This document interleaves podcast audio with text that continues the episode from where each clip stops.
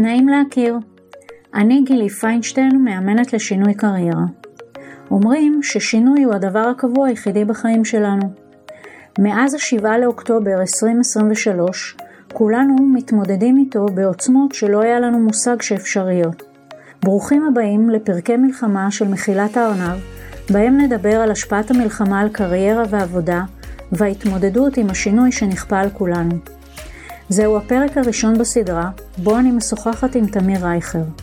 בשגרה סמנכ"ל פיתוח עסקי, בקבוצה המשלבת נדל"ן וטכנולוגיה, בתחום התחדשות עירונית ותחומים נוספים, ובעת מלחמה שותף משמעותי בהתגייסות האזרחית להצלת העם והמדינה. אנחנו משוחחים על חייו בתקופה שקדמה לאירועי 7 באוקטובר, ההתגייסות המהירה ורצף האירועים באותו יום, היוזמות הנוספות להן הוא שותף, מסקנות ותוכניות להמשך. האזינו לשיחה המרתקת. שלום תמיר רייכר, ברוך הבא למחילת הארנב. אנחנו נפגשים היום כדי לדבר על השפעת המלחמה על העבודה שלך, ומן הסתם גם על החיים שלך בכללותם, אבל נתחיל בכך שתציג את עצמך בכמה מילים. אז קודם כל שלום גילי, תמיר רייכר, בן 48, אבא לתאומות, אורי ועמית. עד יום לפני המלחמה סמנכ"ל פיתוח עסקי בקבוצה שעוסקת בטכנולוגיה ונדל"ן, ומאז אה, הרבה דברים אחרים, נדבר על זה. תספר קצת על מה שעשית לפני המלחמה. החברה למעשה מתמחה בטכנולוגיות לתחום הנדל"ן, פיתחה טכנולוגיות ייחודיות ברמה העולמית שמנתחות ערים שלמות, ובדרך הזאת אנחנו מייצרים מיזמים בעיקר של התחדשות עירונית בהיקפים מאוד מאוד גדולים בכל הארץ, עשרות אלפי יחידות דיור, ומוצרים טכנולוגיים נוספים שקשורים בעולמות של נדל"ן, שהם לאו דווקא התחדשות עירונית. בין היתר איתור מקרקעין אבודים, אה, כל מיני טכנולוגיות שקשורות בנדל"ן. נדל"ן וטכנולוגיה כאילו קצת מוזר? מתחבר מאוד. בתל אביב, למשל, שזו אחת הערים שאנחנו עובדים בה, 52,313 בניינים. כל אחד מהבניינים האלה מנותחים ברמת הבניין, כך שהדאטה של כל העיר נמצא בכף היד שלנו. כל בניין, אנחנו יודעים מ-day one, מה האפשרויות התכנוניות בו, מה הזכויות בנייה בו, כולל רמה של דוח כלכלי, שנקרא דוח אפס, או דומה לדוח אפס בנקאי, עוד לפני שדיברנו עם הבעלים. זה נותן אה, יתרונות מאוד משמעותיים, זה נעשה על ידי טכנולוגיה משלבת ביג דאטה ואלגוריתמים שלצורך העניין מייצרים לנו את הכדאיות של כל בניין, כל בניין כזה מקבל או פרויקט כזה מקבל איזשהו ציון, ואז אנחנו יודעים לתעדף את הפרויקטים עם הוויאביליות היותר אה, גדולה ועם הרווחיות היותר טובה, ולטרגט רק אותם או קודם אותם. וכל עיר אה, שאנחנו פועלים בה, אנחנו למעשה מלמדים את המערכת את הנתונים של אותה עיר, וכשנכנסים לעיר אז זה מאוד משמעותי. מה היו התוכניות שלך קדימה? אנחנו עדיין עוד בשלב הלפני המלחמה. קודם כל לנחות בבית החדש. בדיוק הגעתי אליו ערב לפני המלחמה, יום שישי, אחר הצהריים עברנו דירה. זה היה קודם כל אה, להתמקם בבית החדש. אה, קדימה היו תוכניות גם במסגרת החברה שאני פועל בה וגם אה, רעיונות נוספים.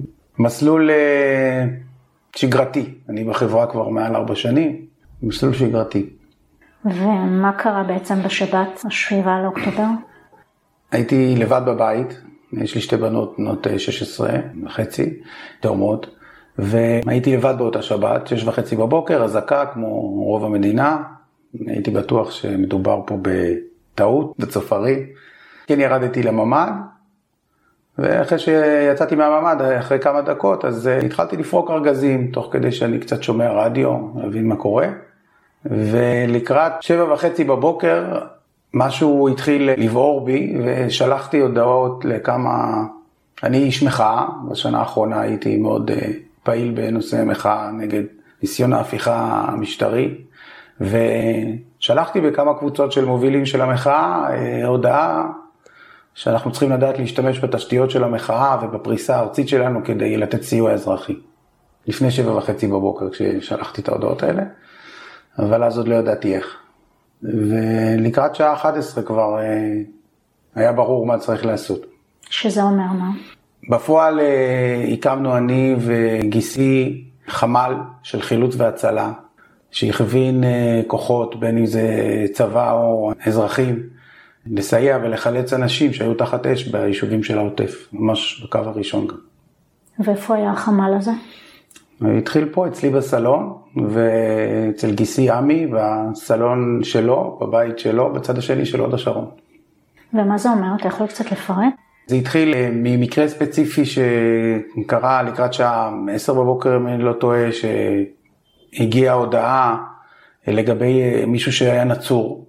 בדיעבד אנחנו יודעים שהיו מאות ויותר כאלה, אבל שהיו נצורים תחת אש.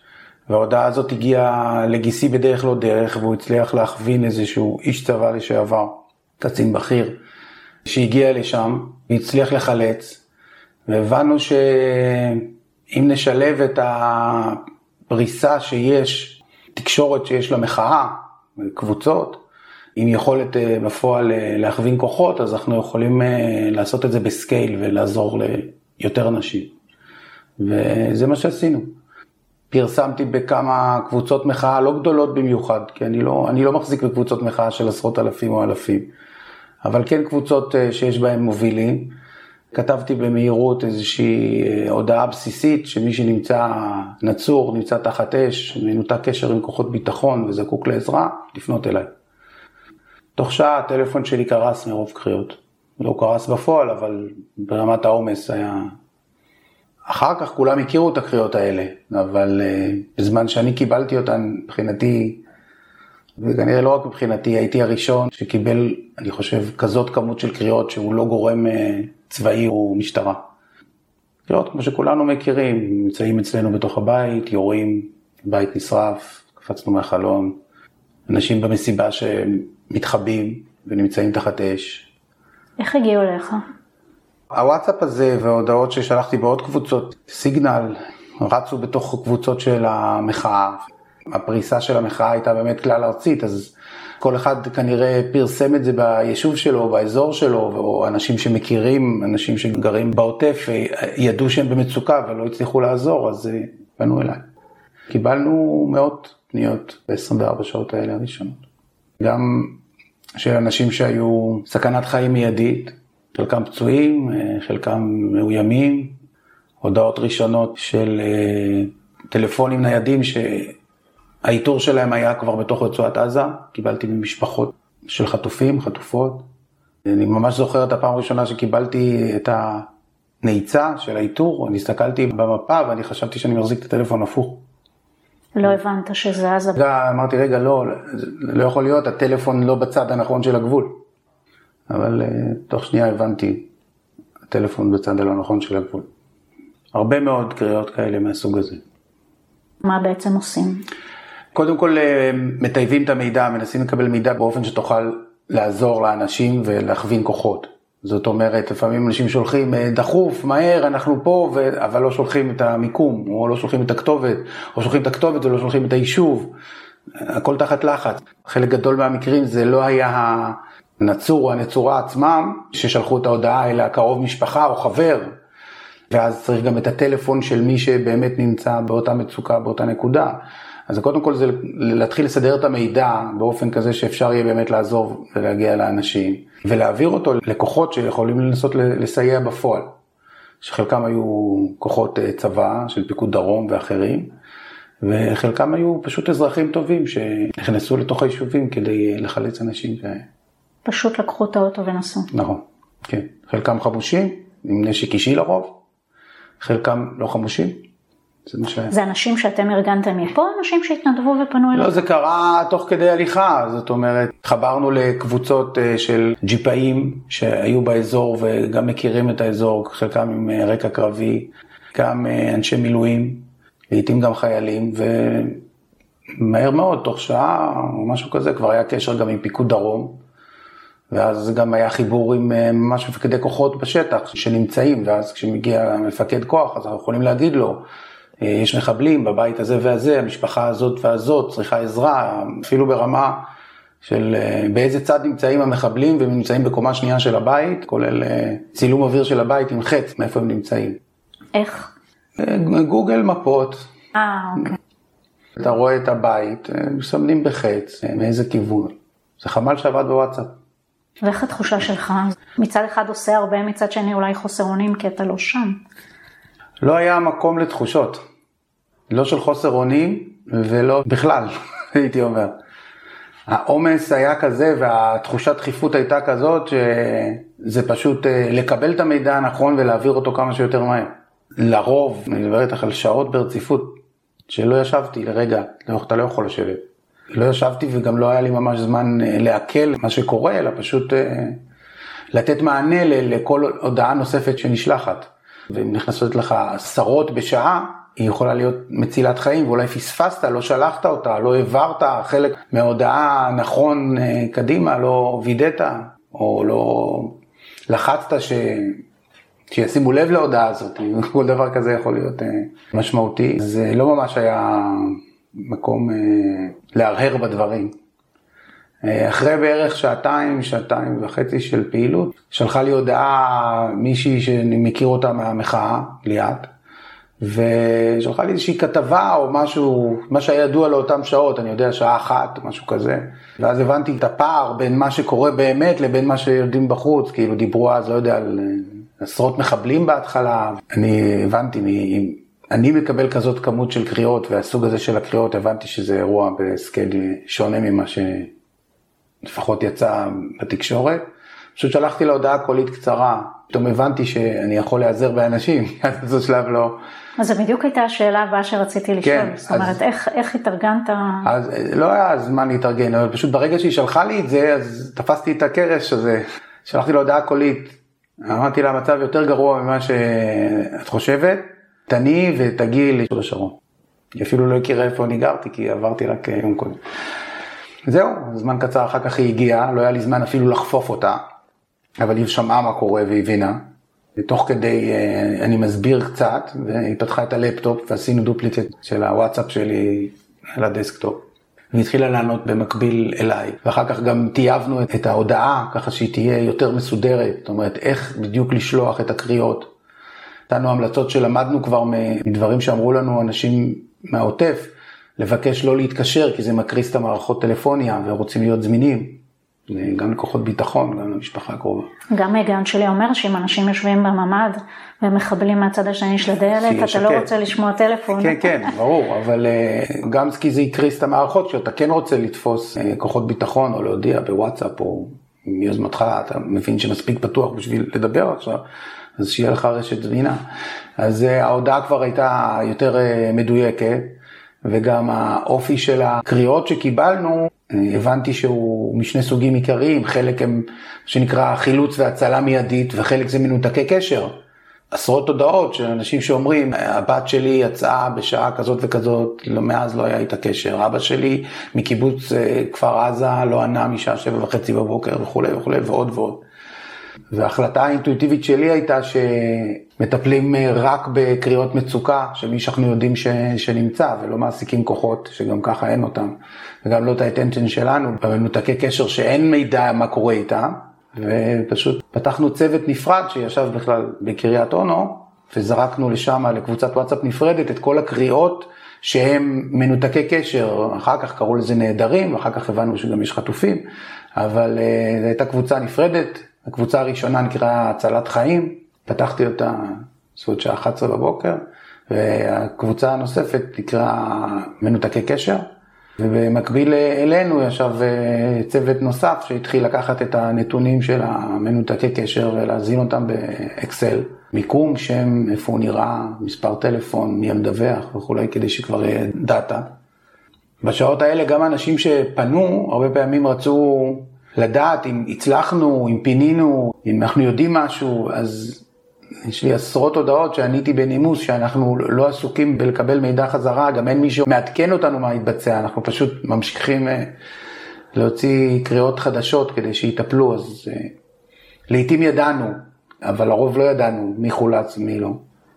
אני יכול להגיד לך שגם עד עכשיו אני לא בדיוק יודע מבין האנשים הרבים שהיינו איתם בקשר, אני לא יודע להגיד לך מי חולץ, מי נמצא בחיים, מי נפגע.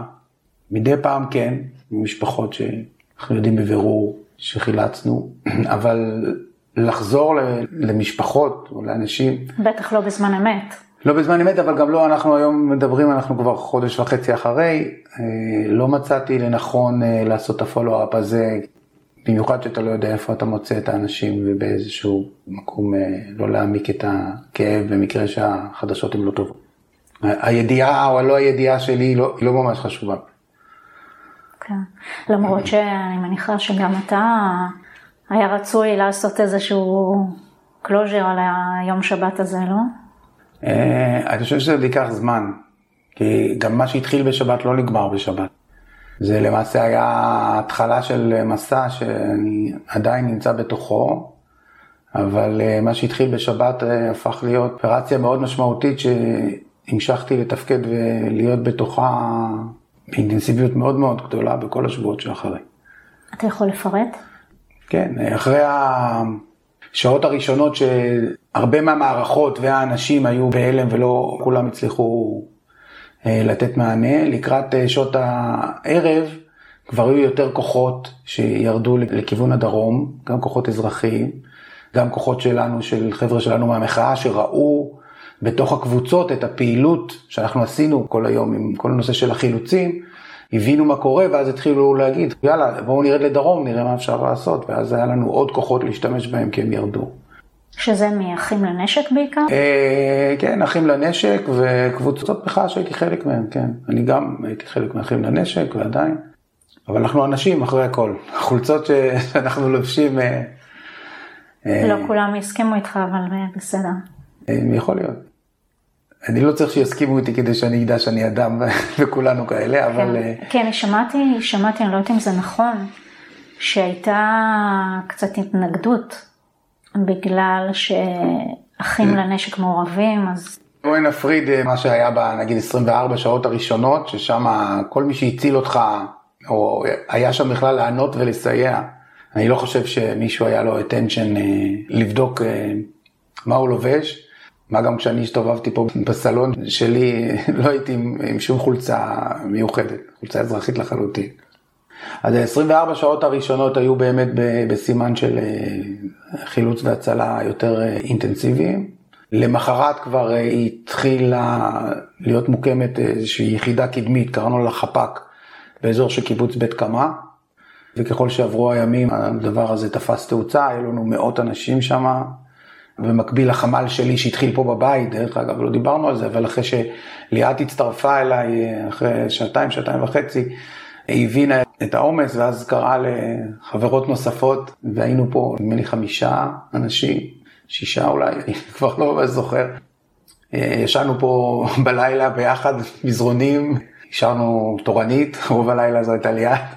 ואז אני לא זוכר אפילו אם זה היה למחרת או ביום שני, התקשרו החבר'ה מאחים לנשק, הם שמעו מה אנחנו אה, עשינו, ואמרו חבר'ה בואו אנחנו רוצים שתעברו אלינו עם החמ"ל שלכם לאקספו בתל אביב, אנחנו מכירים פה מערך ואתם תהיו אה, הלב של המערך החדש, וזה מה שהיה. עברנו עם הצוות לשמה, ובשיא, חמ"ל הזה היה בו 50 אה, חמ"ליסטיות וחמ"ליסטים, בשלוש משמרות, מנהלי חמ"ל, אופרציה הרבה יותר מסודרת, כל קריאה הייתה עם מספר, כל מנוהל, עם יכולת של מעקב, זה הלך והשתכלל. וגם סוג הקריאות השתנה, אם בהתחלה זה באמת היה חילוצים, נגיד תחת אש, או באזורים של סיכון אה, חיים, או חילוץ פצועים, אז אחר כך זה היה חילוצים של אנשים שפשוט פחדו או לא יכלו להתפנות בעצמם. אנשים ברחבי העוטף, בשדרות והסביבה, שיכלו לעזוב כבר, ופחדו לצאת בלי ליווי עם נשק. זה היה ברמה כזו שחלק מהאנשים, שגם שזה תואם דרך החמ"ל שלנו וידעו שיש מישהו בדרך, שהאנשים שלנו היו מחוץ לדלת, הם התקשרו לוודא שזה אנשים שלנו. הגיוני. הגיוני ולא, קש, אבל כן. קשה והגיוני. כן. כן. אבל היו באמת אה, שבועיים, שלושה ראשונים אלפי קריאות כאלה, שהאופי שלהן השתנה בהתאם לשינוי של הנסיבות. אבל האופרציה מאוד מאוד גדלה, ואני מניח שרוב המאזינים בטח יודעים אה, סדר גודל הפעילות שנוהל בחמ"ל האזרחי שהיה באקספו, בכל התחומים. עדיין באקספו. באקספו נשאר כרגע רק החלק הלוגיסטי יותר. החמ"לים עצמם עברו למשרדים של חברת וויקס הקצתה לנו. זה היה שם במשך כחודש באקספו. ככל שהשתנו המשימות, אז אה, הפעילות שהייתה מאוד נדרשת בשבועיים, שלושה הראשונים בבית קמה, כבר הייתה פחות נדרשת, ואז הפוקוס הלך לדברים אחרים, גם מבחינת האזור וגם מבחינת הנושאים שהיו נדרשים, אז הרבה יותר התעסקות עם סיוע לחקלאות ולתעשייה. במקביל, אה, בגלל ההתחממות של הזירה הצפונית, התחלנו להיערך ואפילו פתחנו אה, חפ"ק דומה לבית קמה, או מקביל אליו בצפון, כדי להיערך. לא ידעתי. כן. שם הכוחות הצבאיים הולכים יותר טוב, לא הופתענו כמו השבת השחורה הזה. איך כל מה שהיה בעצם בשבת הזאת, בימים שאחרי השבת, איך זה השפיע על המחשבות שלך, על ההתנהלות שלך בימים אחר כך? כי אני מבינה שבשבת, הימים המיידיים אחר כך, היית בתוך הטירוף הזה. מה בעצם קרה אחר כך? אני יכול להגיד לך שביום רביעי או החמישי, רמת העומס הייתה אפילו יותר מיום שבת. מבחינת עומס המשימות. אה, פשוט היו שונות, לא של הצלת חיים, אז אולי המעמסה הייתה אחרת, אבל העומס היה אפילו יותר. באיזה דברים? בגלל שהטלפון שלי פורסם בהרבה מאוד אה, מדיות, אז קיבלתי, קראתי לזה אנומליות מכל מיני סוגים, כל רבע שעה קלה חדשה הגיעה אליי לטלפון. דוגמה? הרבה מהם היו קשורים לחוסרים של ציוד צבאי ואזרחי, בשלב מסוים גם ביקשו אה, סיוע משאיות קירור להגיע לגבול, צורך שהבנתי מיד מהו. אה, כיתות כוננות, צבא ביקש סיוע בכל מיני עניינים. אחרי שזה קצת השתכלל גם היה לנו איש קשר קבוע בצבא, שיכולנו לעבוד מולו באופן ישיר, עשרות כאלה ביום. סדר גודל של הפעילות נורא נורא גדל. ימים עמוסים. כן. יש את הדיסוננס הזה בין המשכיות עסקית, מה שנוהגים להגיד היום, לבין המלחמה, שמבחינת אנשים היא כאילו, היא קצת רחוקה, נכון שאנחנו מקבלים את כל התמונות והקולות וכולי, אבל הדיסוננס הזה בין ההמשכיות עסקית לבין כל הדברים החשובים האלה שאתה התעסקת בהם, איך, איך זה התבטא אצלך? בשבועות הראשונים, נקרא לזה שלושה שבועות הראשונים, כמעט ולא הייתה לי שום נגיעה לדברים היומיומיים של העבודה. ברוב המעגלים הבינו את החשיבות של מה שאנחנו עושים ומה שאני הייתי מעורב בו. אני כן יכול להגיד לך שקולגות, למשל משרד עורכי דין שאני עובד איתו בקבוע בחברה, כששמע אחד השותפים אה, מה אני עושה, אז הוא גייס את עצמו ואת צוות המשרד לטובתי בחמ"ל. וצוותים של עורכי דין ישבו אצלם במשרד אה, יצרו לי רשימות של כל כיתות הכוננות והרבש"צים בכל הארץ, כי לא הצלחתי להשיג רשימות כאלה. וידענו שאנחנו פועלים מול אה, מאות אה, כיתות כוננות, לא ידענו לאן זה יכול להתפתח, אולי ביהודה ושומרון, אולי בצפון, אולי גם וגם. לא הצלחנו להשיג רשימות כאלה מהצבא, למרות שניסינו. ופשוט ישבו והוציאו ממקורות גלויים מספרי טלפון וערכו רשימות לפי אזורים וטייבו את המספרים. היו ענפים שהייתה התגייסות מדהימה, והאנשים שהיו סביב החמ"ל והחמ"לים שהוקמו באקספו, זה היה מהאנשים הכי מחויבים והכי טובים שיצא לי להיפגש ולעבוד איתם כתף אל כתף, נשים ואנשים. הוקמו שם אופרציות פשוט אה, משוגעות תוך ימים. למשל, אה, חמ"ל איתור נעדרים, שהקימה פרופסור קרין נהון, יחד עם צוות מדהים של אנשים בערך בכל תחום אפשרי שפשוט התייצבו ו... ובחלל לידי אה, ממש על פליפ צ'ארט כזה ציירו את הפתרונות ותוך יומיים זה, זה קרה ואחרי אה, ארבעה חמישה ימים יש האנגר שלם של מאות אנשים שעובדים על, על הצלבה ואיתור מידע כדי לנסות להבין מתוך כל הרשימות של הנעדרים, נפגעים, מי חטוף, מי לא בין החיים, מי כן.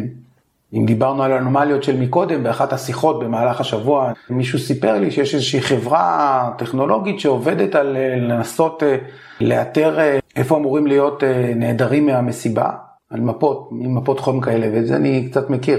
ואז אמרתי, רגע, אם מישהו רוצה למפות נעדרים פוטנציאליים על מפה, צריך לדעת מי הם. זאת אומרת, יש לו רשימה. והגעתי אחרי כמה טלפונים לחברה שעבדה, ואז הסתבר שהיא עבדה מול חברת ההפקה. וחברת ההפקה ניסתה לעשות משהו בעצמה. המידע הזה היה מסמך זהב, הצלחתי לקבל אותו. והרשימה הזאת של כארבעת אלפים אנשים שהיו במסיבה הייתה מאוד מאוד מדויקת. כי זה היה ברמה של ברקודים של מי שנכנס בפועל, כולל רשימה של כל הספקים והעובדים, והיא הפכה להיות מסמך הזהב, שלמעשה כל הנושא של האיתור הנעדרים במסיבה, היה מסמך שמולו כל הזמן הנתונים הוצלבו. יש איזה שלב שמפרידים בין הדברים? דברים היו מופרדים.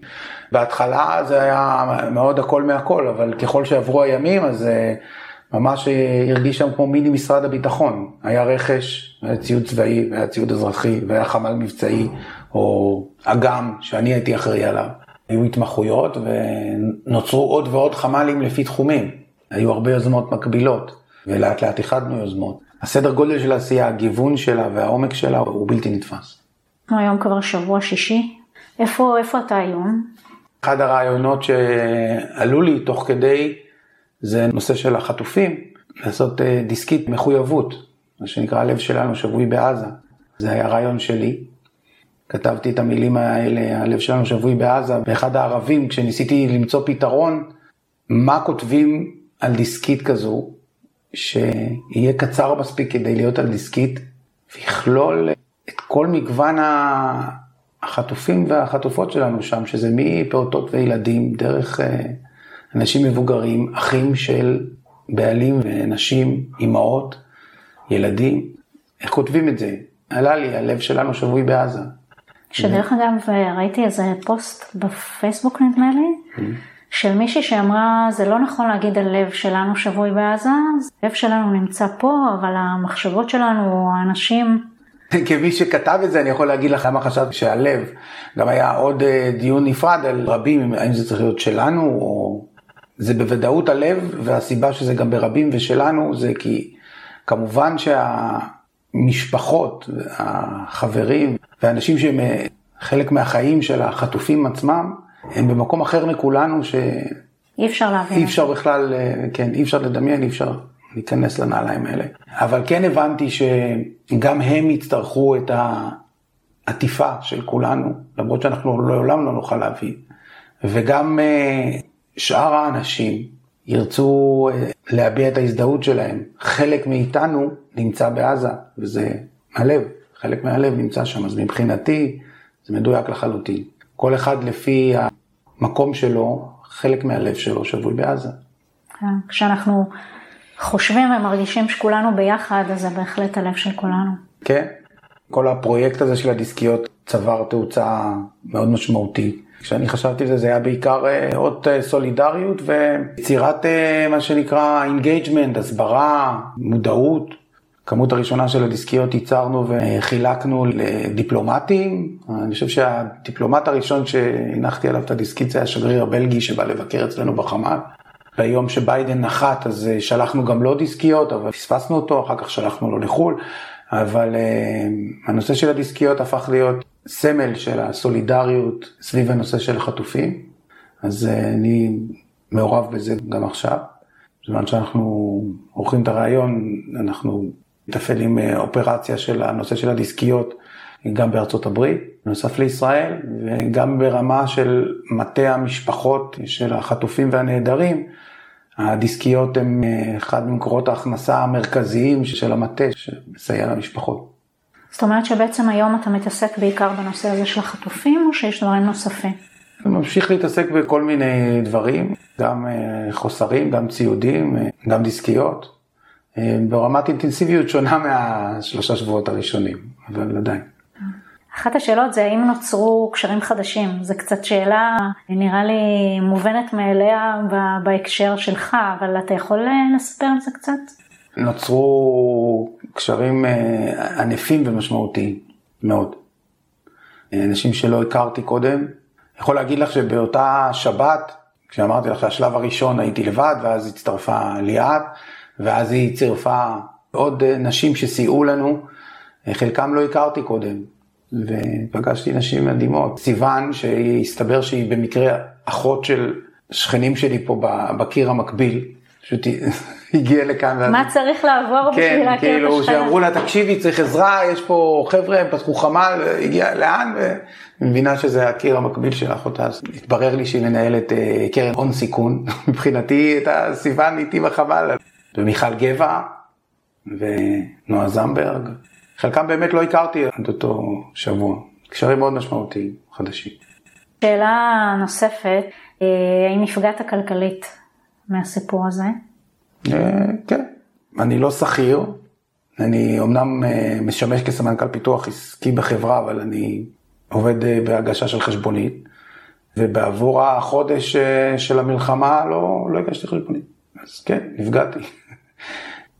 ואנחנו כבר בחודש השני, גם הוא לא... אז לא מה יהיה. עושים? כן. כרגע סופגים את זה. כן. האם יש לך איזה שהן אה, תובנות כתוצאה מכל התהליך הזה, הדבר הזה שדיברנו עליו, לך באופן אישי וגם לאנשים אחרים בהקשר של התמודדות עם אה, משבר? דברים שהתקופה הזאת, אמרת, וואו, למדתי א', ב', ג', כדאי שכולנו נעשה א', ב', ג'. אני אענה את זה בצורה קצת הפוכה.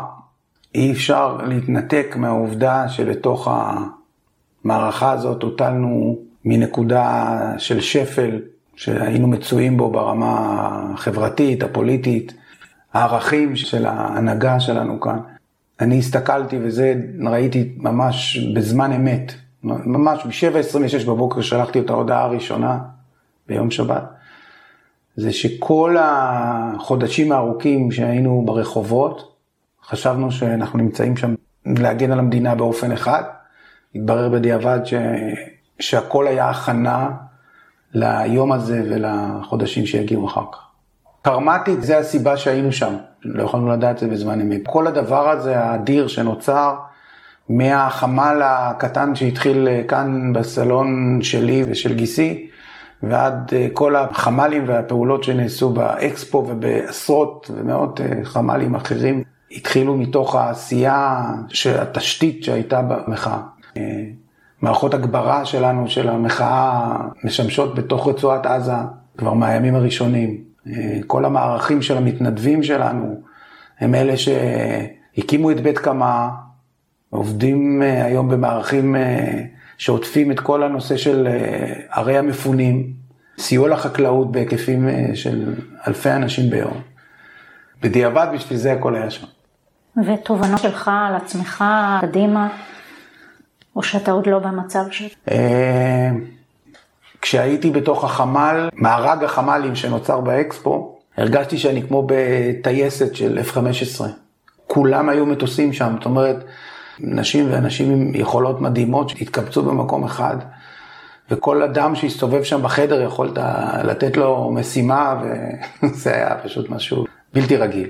וגם בתוך החדר הזה של אנשים נורא מוכשרים, הרגשתי שאני בסדר. כן.